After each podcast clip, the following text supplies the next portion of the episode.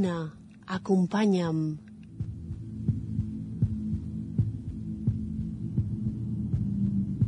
Submergeix-te en un món de misteri i foscor.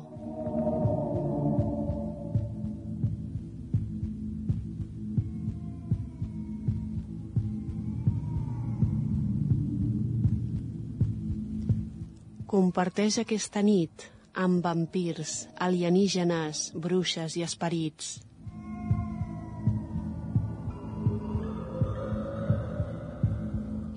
Arcanum, divendres de 8 a 9 del vespre al 107.7 FM, Radio Nova. Atreveix-te.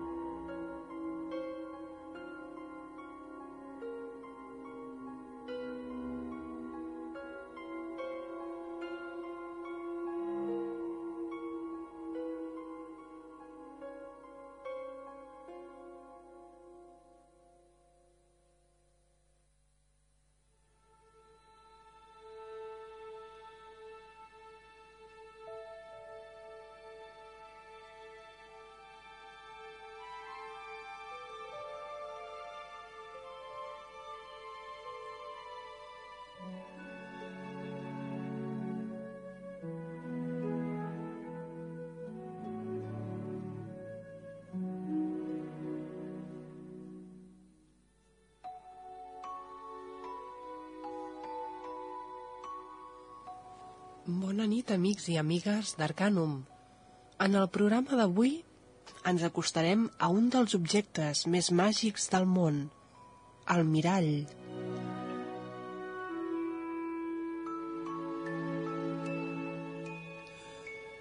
Sempre s'ha considerat que el mirall és un objecte misteriós, una porta a un altre món i un perill per l'ànima.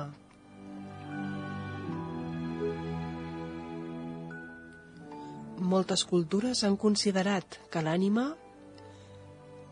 té com a projecció el seu propi reflexe i aquest reflexe s'ha de vigilar.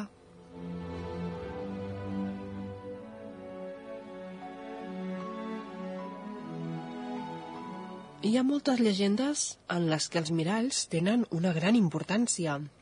La madrastra de Blancaneus obtén coneixement a través d'un mirall màgic. La dama de Xalot estava condemnada a veure el món a través d'un mirall.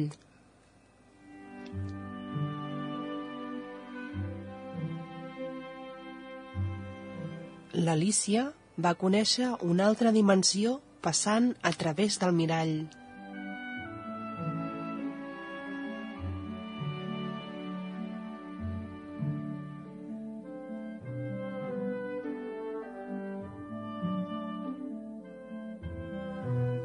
La mitologia grega, Perseu acaba amb la Medusa, la mirada de la qual torna els altres en estàtues de pedra, però Perseu no la mira directament.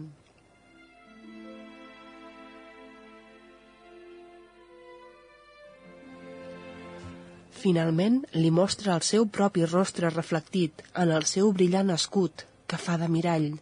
Així la mirada de la medusa la mata a ella mateixa.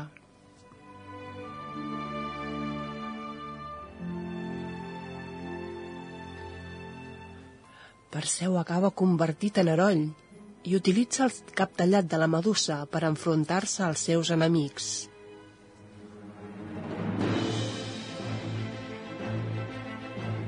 Per altra banda, el basilisc és una criatura fantàstica i monstruosa nascuda de la sang de la medusa.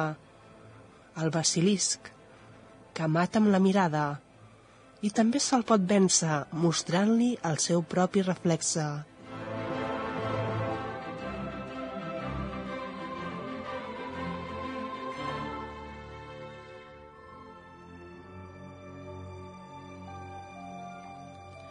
Es diu que trencar un mirall pot portar-nos anys de mala sort, perquè simbòlicament trenquem el nostre propi jo. Trenquem el nostre reflexe que cau a trossos i, de certa manera, la nostra ànima també està caient a trossos.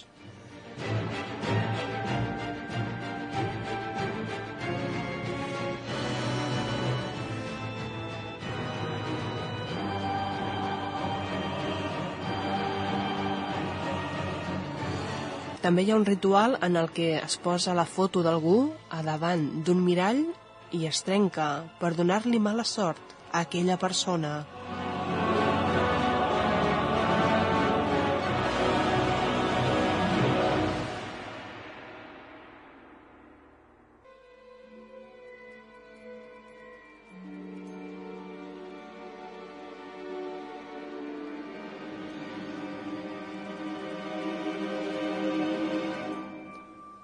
Els miralls tenen molt a veure amb els esperits. Hi ha llegendes urbanes en les que s'invoquen esperits que s'apareixen al mirall.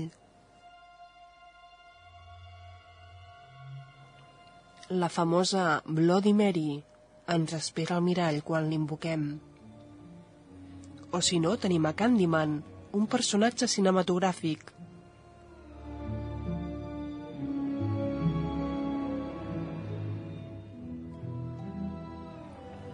Alguns rituals es basen en posar espelmes davant del mirall i invocar el dimoni a les 12 de la nit. O anomenar un cert nombre de vegades el nom d'una persona difunta i aquesta es creu que també s'apareix al mirall.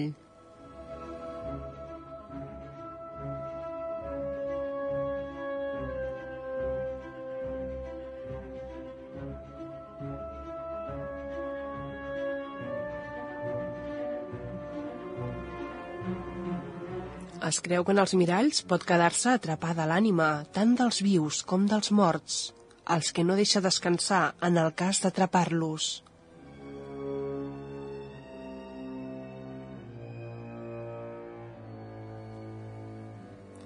En països com Colòmbia, quan algú és mort, tapen els miralls de la casa per evitar que l'ànima del difunt se senti atreta pel mirall i s'hi quedi atrapada.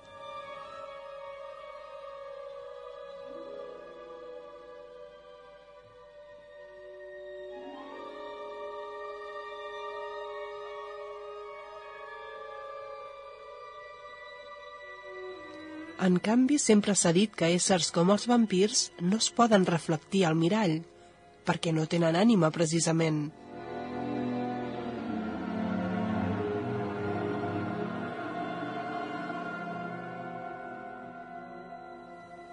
Per altra banda, els egipcis i els grecs posaven miralls a les tombes com a reflexe del més enllà i vincle amb l'ànima.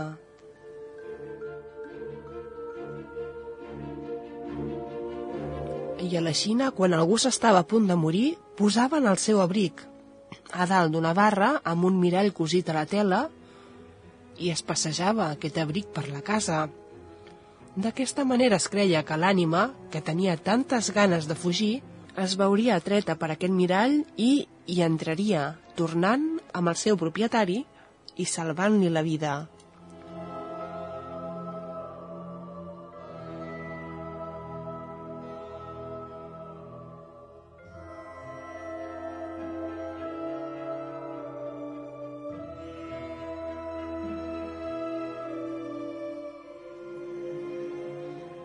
De fet, antigament es creia que els miralls eren perillosos i calia apartar-los de la gent més dèbil, els nens i els malalts sobretot.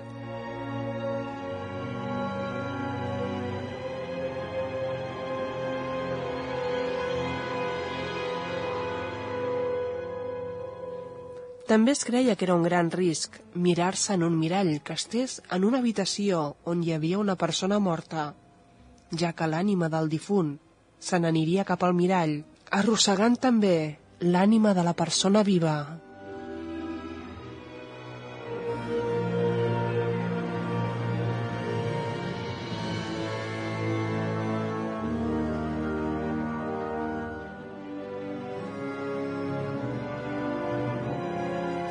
També antigament es creia que era perillós dormir en una habitació en la que hi hagués un mirall, ja que al dormir l'ànima viatja i pot anar fins al mirall, quedant-s'hi atrapada.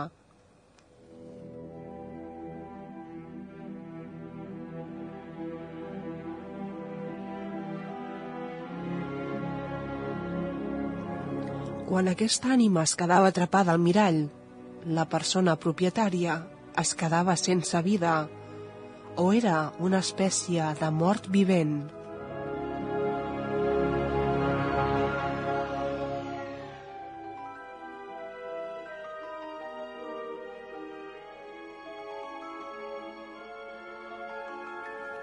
El mirall també ha servit per practicar l'evidència. A la seva superfície es poden veure imatges del passat, del present i del futur. De la mateixa manera que en la bola de cristall, el reflexe de l'aigua o alguns minerals com el quars.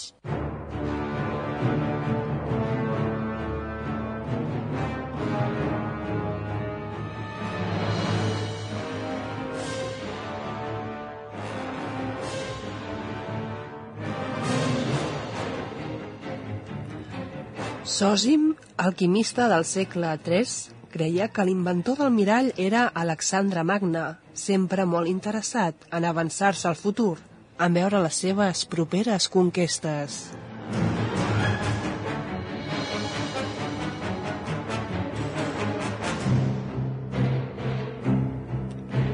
L'Alexandre Magne també creia que el mirall era un talismà que salvaria la humanitat de la seva extinció, és bastant contradictòria aquesta preocupació en algú que es va emportar tantes vides.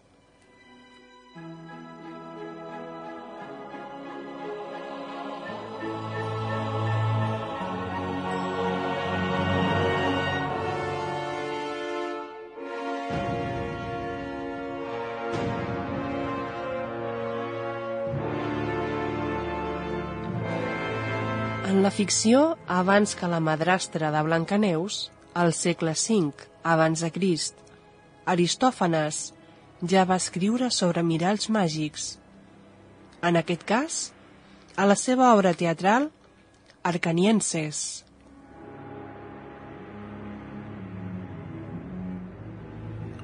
En aquesta obra, el guerrer Lamacos utilitza com a mirall el seu brillant escut mullat amb oli, veient allà un futur poc esperançador.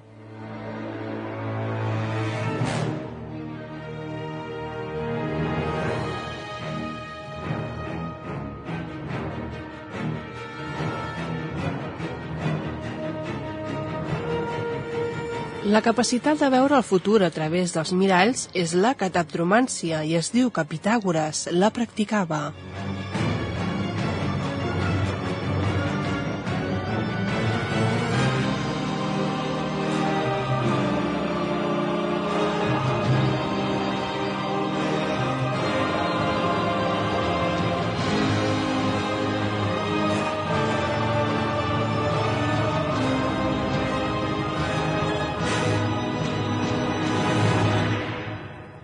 Grècia es va desenvolupar molt aquest tipus d'evidència i a Roma es van fabricar miralls en sèrie que tots els interessats en l'evidència volien tenir. D'aquesta manera, els vidents romans se'ls anomenava speculari, paraula que ve del llatí speculum, mirall.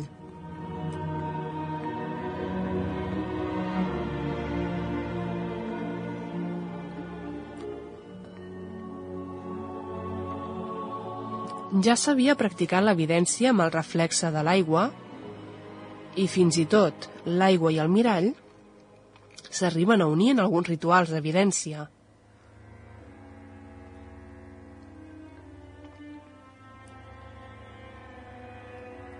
El geògraf grec Pausànies, al segle II, parlava del temple de Ceres que estava a Patràs i a davant del qual hi havia una font profètica.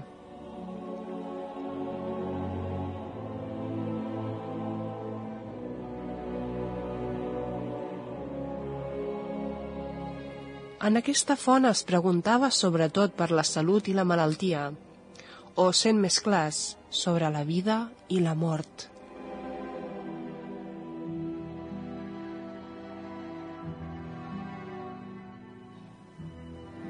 A l'estany hi anaven els malalts preocupats que sentien la seva vida amenaçada per una malaltia.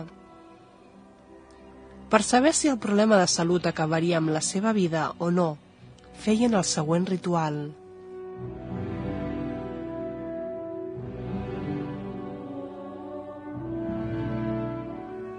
Lligaven un mirall amb una corda i el baixaven fins que toqués l'aigua de la font. Resaven els déus, encenien encens i aixecaven el mirall i, segons el seu reflexe, sabien el seu futur.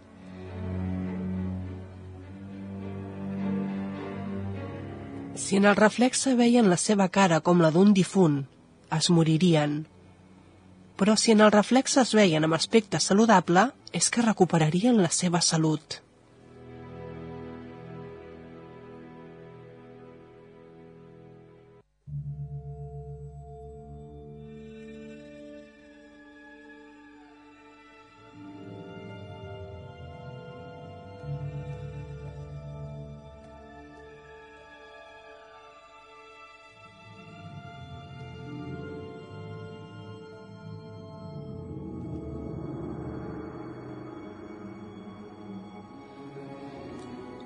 Altre exemple de cataptromància és el de l'emperador romà Marc Didius Julianus, que va morir l'any 193, després d'un breu govern de 66 dies.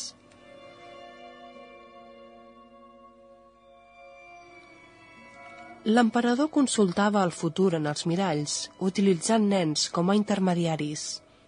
Ells eren els que veien el futur.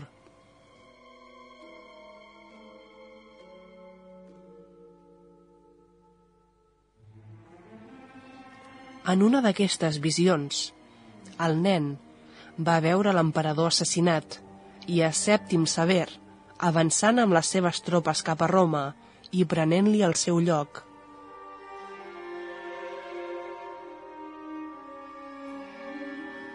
La profecia es va complir.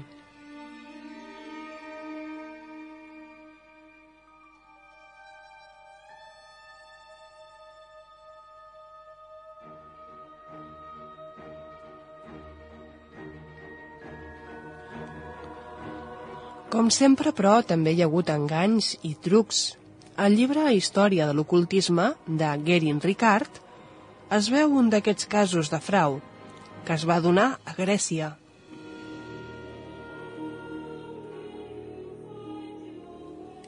Posaven un gran recipient ple d'aigua en el que reflectia el sostre que estava pintat de blau i hi havien enganxat unes brillants escates de peix. Al mirar a l'aigua semblava que es veia un cel estrellat. Al terra hi havia un soterrani que s'obria i mostrava a través de l'aigua escenes representades per persones disfressades que seguien les ordres del fals bruixot.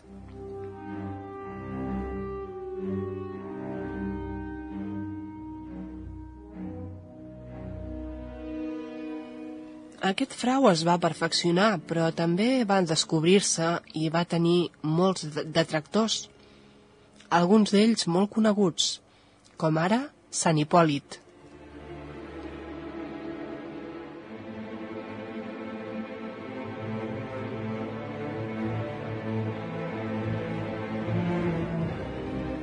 A Grècia i Roma, quan no es demostrava el frau, es creia que les imatges dels miralls les generaven els déus i els esperits.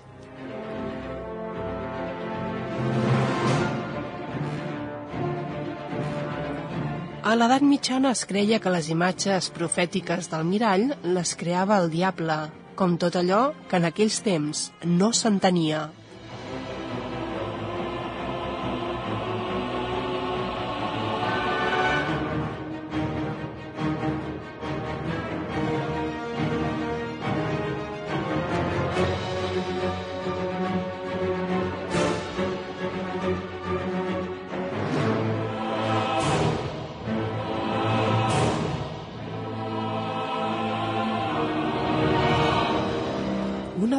Raons per les quals s'ha considerat el mirall com a màgic és la creença de que està habitat per esperits. Aquesta creença segurament ve perquè, com hem dit, hi ha la llegenda del mirall com a atracció i trampa per l'ànima.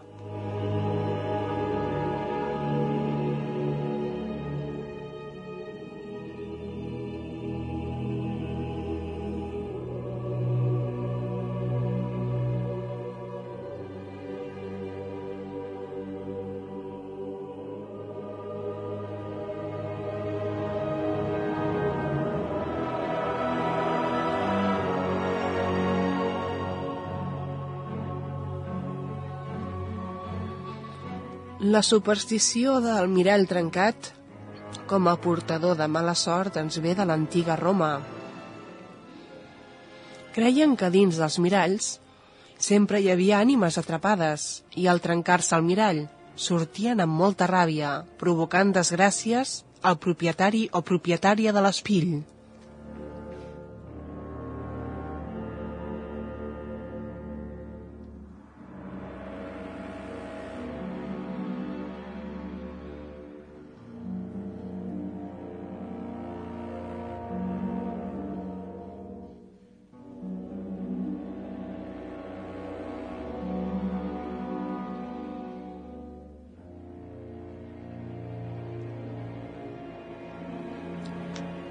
Com que creien que la salut i la fortuna venien cicles de set anys, es deia que el proper cicle es veuria perjudicat per les ànimes venjatives del mirall.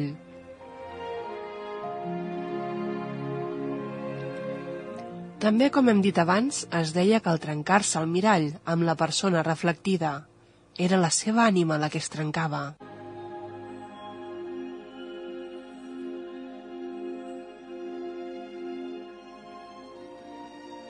A la Xina es creia que en trencar-se un mirall s'acostava la mort del millor amic.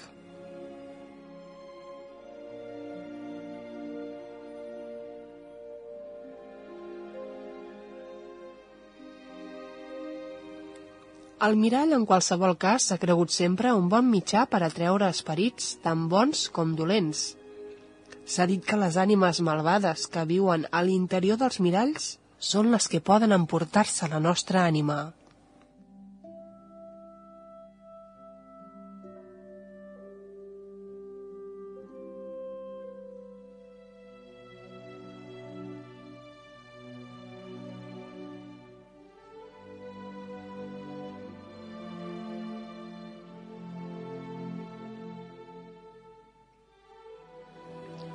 Una altra creença curiosa és la del mirall per protegir-se dels mals esperits. És així com l'utilitzaven els maies i els asteques. Es penjaven els miralls a l'esquena i d'aquesta manera, si s'acostaven els mals esperits, aquests es veurien reflectits al mirall i seria la seva ànima la que s'hi quedaria atrapada. Així doncs, el mirall també ha tingut una funció protectora.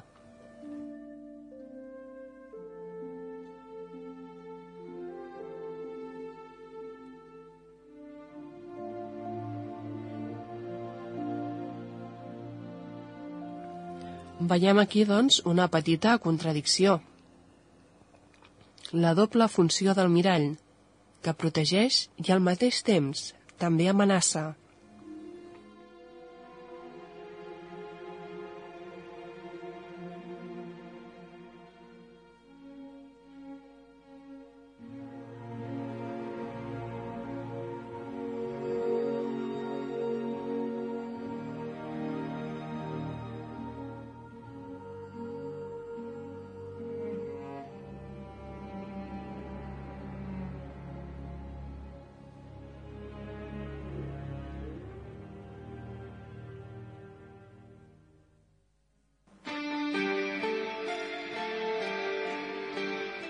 Aquella llum estranya al cel no és Venus, i aquella veu a la foscor no és fruit de la teva imaginació.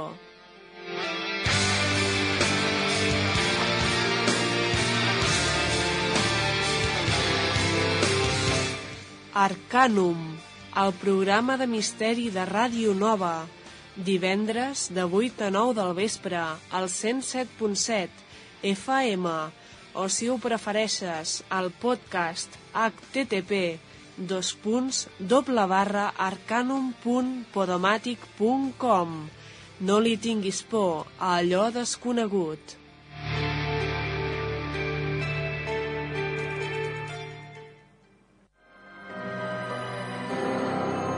Una casa amb un terrible secret. Un crim sense resoldre. Una cançó que comunica els difunts amb els vius. Una llegenda urbana que es torna real. Contes inquietants de Laura Vivancós, publicat per Ediciones Obliquas. Relats sobrenaturals que et sorprendran.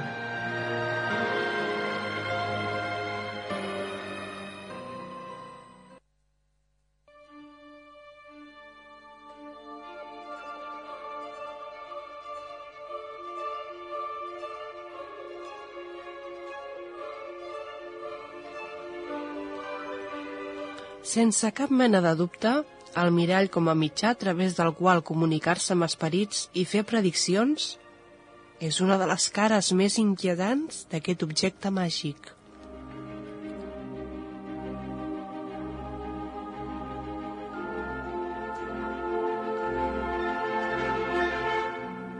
El savi Corneli Agripa era tot un personatge que va defensar la màgia com a camí cristià de coneixement. En el seu llibre de oculta filosofia, desenvolupa i exposa aquestes idees.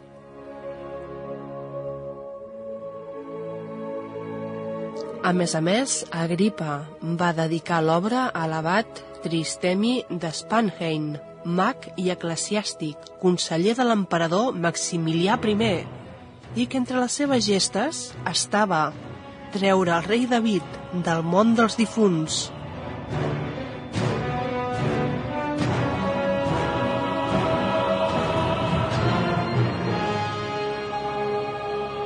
Agripa dividia el món en tres plans. El primer, elemental, el món terrenal que coneixem i en el que actuem. El segon és el món que està a sobre, en el que brillen les estrelles. I el tercer món és intel·lectual i és on es troben els àngels. I per damunt de tot es troba el Creador.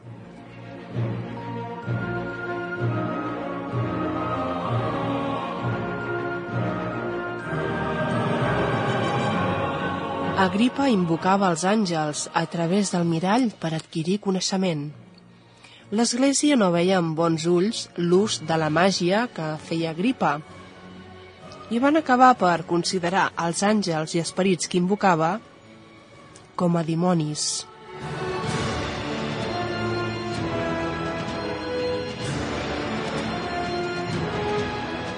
Hi havia molts rumors a l'entorn d'Agripa. Es deia que invocava els morts a través del mirall i que podia veure tot allò que estava ocult. Deien que Agripa havia fet veure al comte de Sarrey la seva amant al mirall i que també havia fet aparèixer a Ciceró per fer un discurs, El mirall.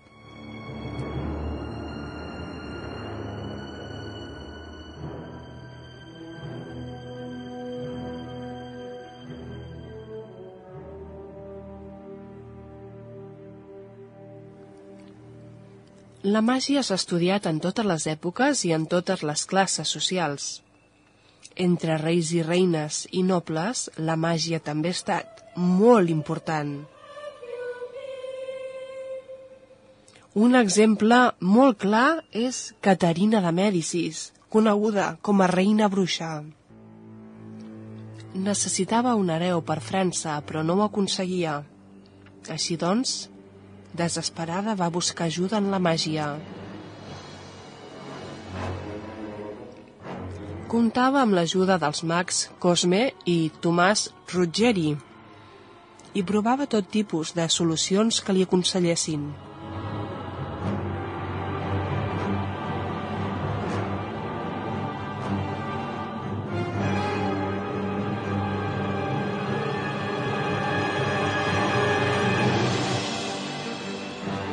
Una d'aquestes solucions era bastant repugnant. Beure grans quantitats d'orina de mula embrassada. I també havia de prendre preparats, fets amb cendres de granota i genitals de cèrvols, gats i senglars.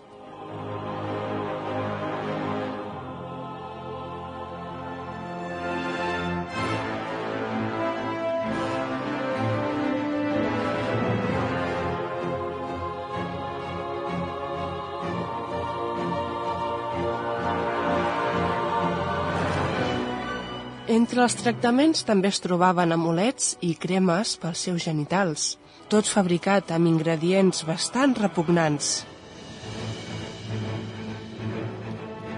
Finalment, l'any 1544, gràcies a la màgia o no, la reina va tenir un fill, el rei Francesc, i després va tenir altres fills.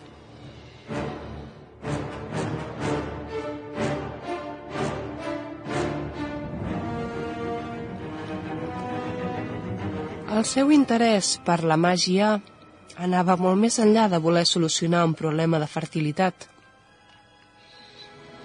Aquesta reina també era evident.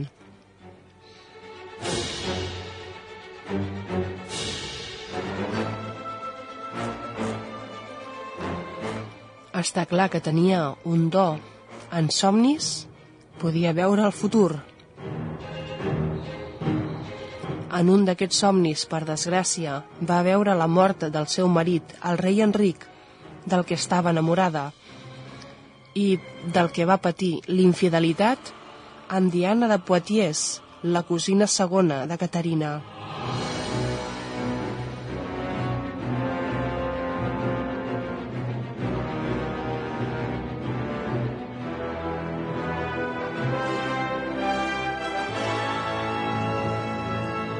La nit del 29 de juny de 1559, la reina va somiar que el seu marit es trobava a terra, cobert de sang.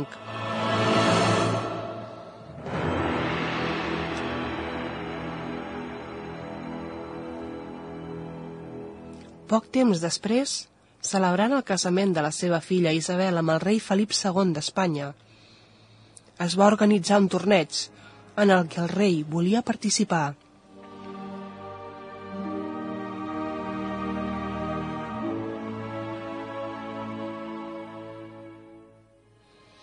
La reina, recordant el seu somni, va desaconsellar al seu marit participar en aquell torneig. A més a més, hi havia altres prediccions en contra per part de l'astròleg Luca Guorico i també Nostradamus amb aquests versos.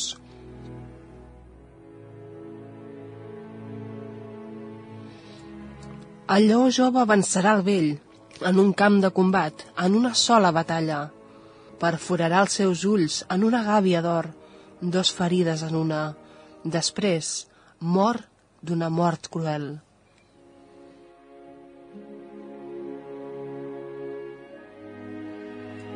Per acabar de fer-ho tot més tètric, durant el combat, a més a més, un nen va gisclar. El rei morirà.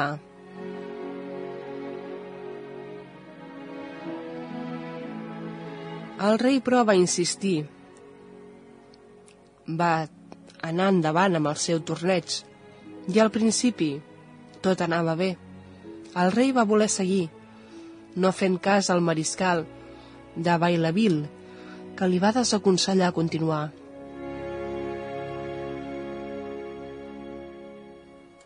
Poc després, però, en el combat contra el comte de Montgomery, una estella va ferir-li greument un ull, que finalment va acabar amb la seva vida. La profecia s'havia complert.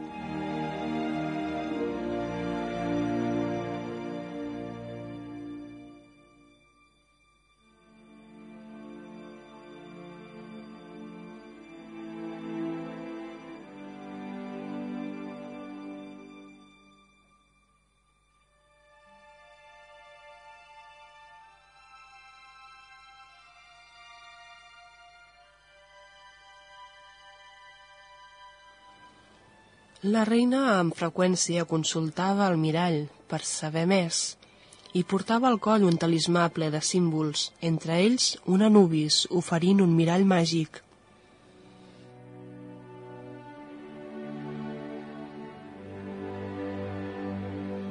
Hi ha documents del metge de la reina, Jean Ferrell, en els que consta que ella utilitzava el mirall pels rituals.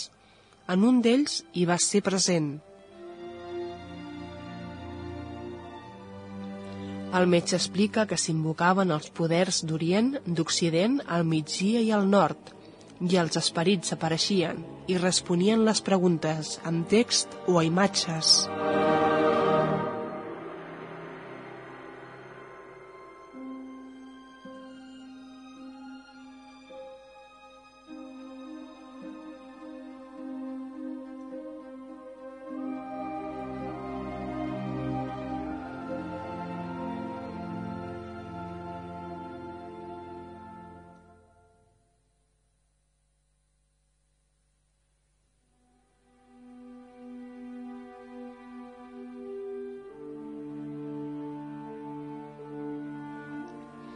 Caterina era amiga de Nostradamus, que també practicava la catoctromància, però ell mirava el reflexe de l'aigua que tenia en una gerra. En un dels rituals amb mirall més famosos, al mirall la reina va observar el futur dels seus fills. Va veure el breu regnat de Francesc, va veure Carles Maximilià com a Carles IX regnant 14 anys. També va aparèixer Eduard Alexandre regnant com a Enric III. I va veure Enric de Borbó casant-se amb Margarida, la seva filla, i governant durant moltíssims anys. Poc després, Caterina va deixar el castell a Diana, l'amant del seu marit. Però aquesta va abandonar-lo de seguida al trobar en ell tantes restes dels rituals màgics que havia fet la reina durant tota la seva vida.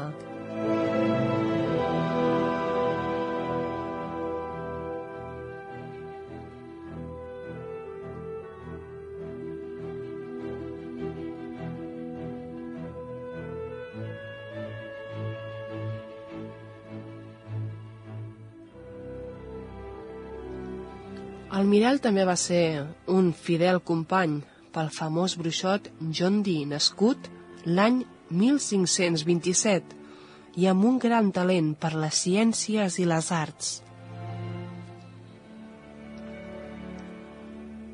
Les ciències ocultes eren el seu fort i les practicava també al servei de la reina Isabel, la reina verge.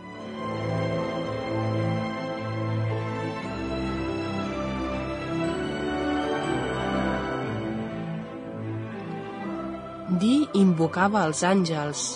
Aquests apareixien al mirall i aconseguia informació sorprenent, com ara guiar cartogràficament a l'explorador Richard Chancellor.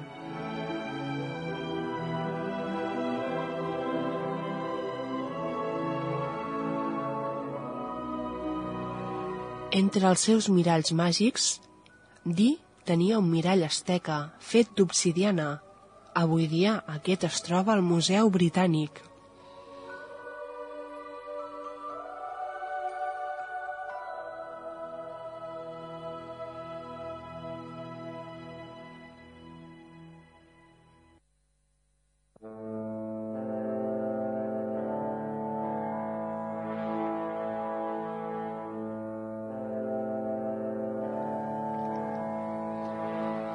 Dee tenia com a col·laborador a un fosc personatge, Edward Kelly, antic criminal i presumpte evident.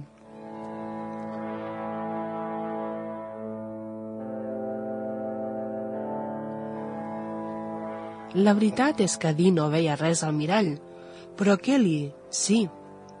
Almenys això deia, i li explicava les sorprenents visions angèliques que veia reflectides.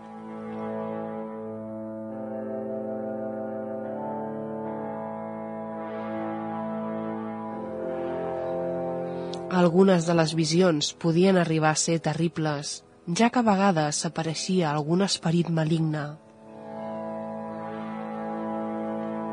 En una ocasió es va aparèixer un terrible esperit que es deia l'Undrumgufa, que va dir que mataria Catherine, la filla de vuit mesos de John Dee.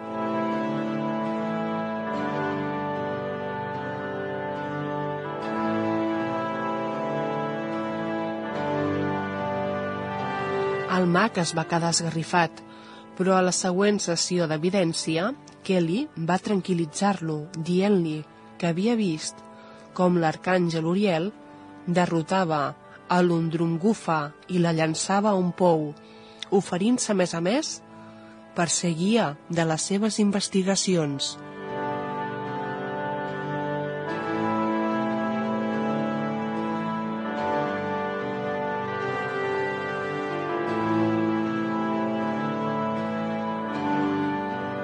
Entre Dee i Kelly també van sorgir alguns problemes. Als 52 anys, John Dee va casar-se amb una noia de 23 anys, Jane Fromons, amb qui va tenir uns quants fills.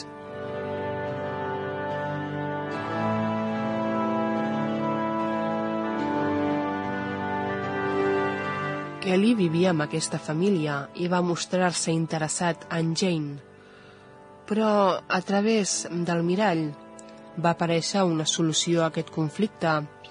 L'arcàngel Miquel li va dir a Kelly que s'havia de casar.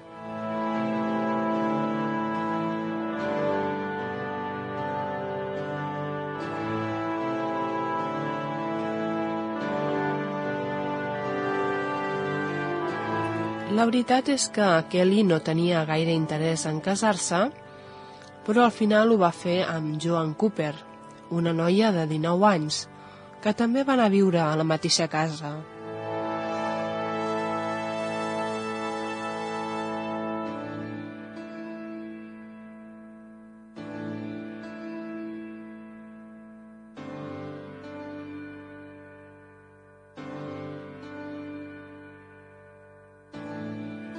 Les sessions d'evidència van continuar i amb elles va arribar una nova entitat, la dolça nena anomenada Madimi, que al costat dels altres àngels va animar a John Dee a viatjar a Bohèmia per transmetre el seu missatge.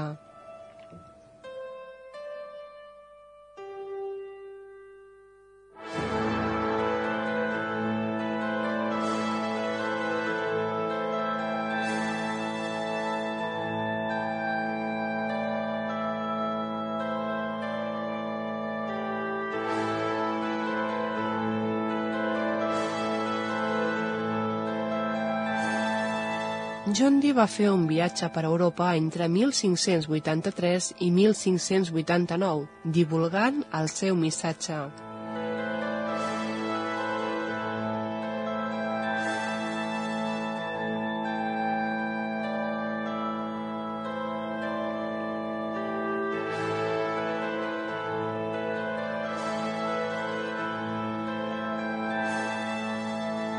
A Praga el va rebre Adolf II, molt interessat en l'ocultisme. Di tenia un missatge especial per al rei Si volia seguir al tron, necessitava canviar de vida i escoltar els consells dels àngels.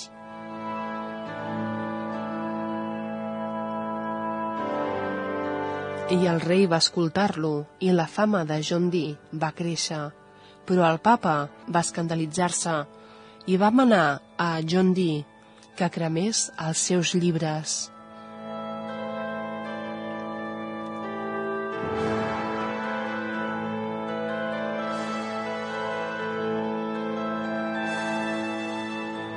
John Dee, en un enginyós engany, va entregar els llibres que menys li servien i aquests van ser cremats.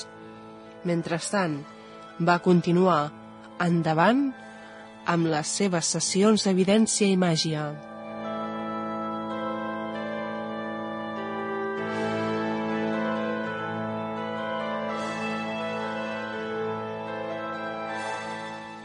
Però els problemes continuarien cada vegada més greus. Kelly seguia volent la dona de Dee i va inventar-se que Madini s'havia convertit en una dona sensual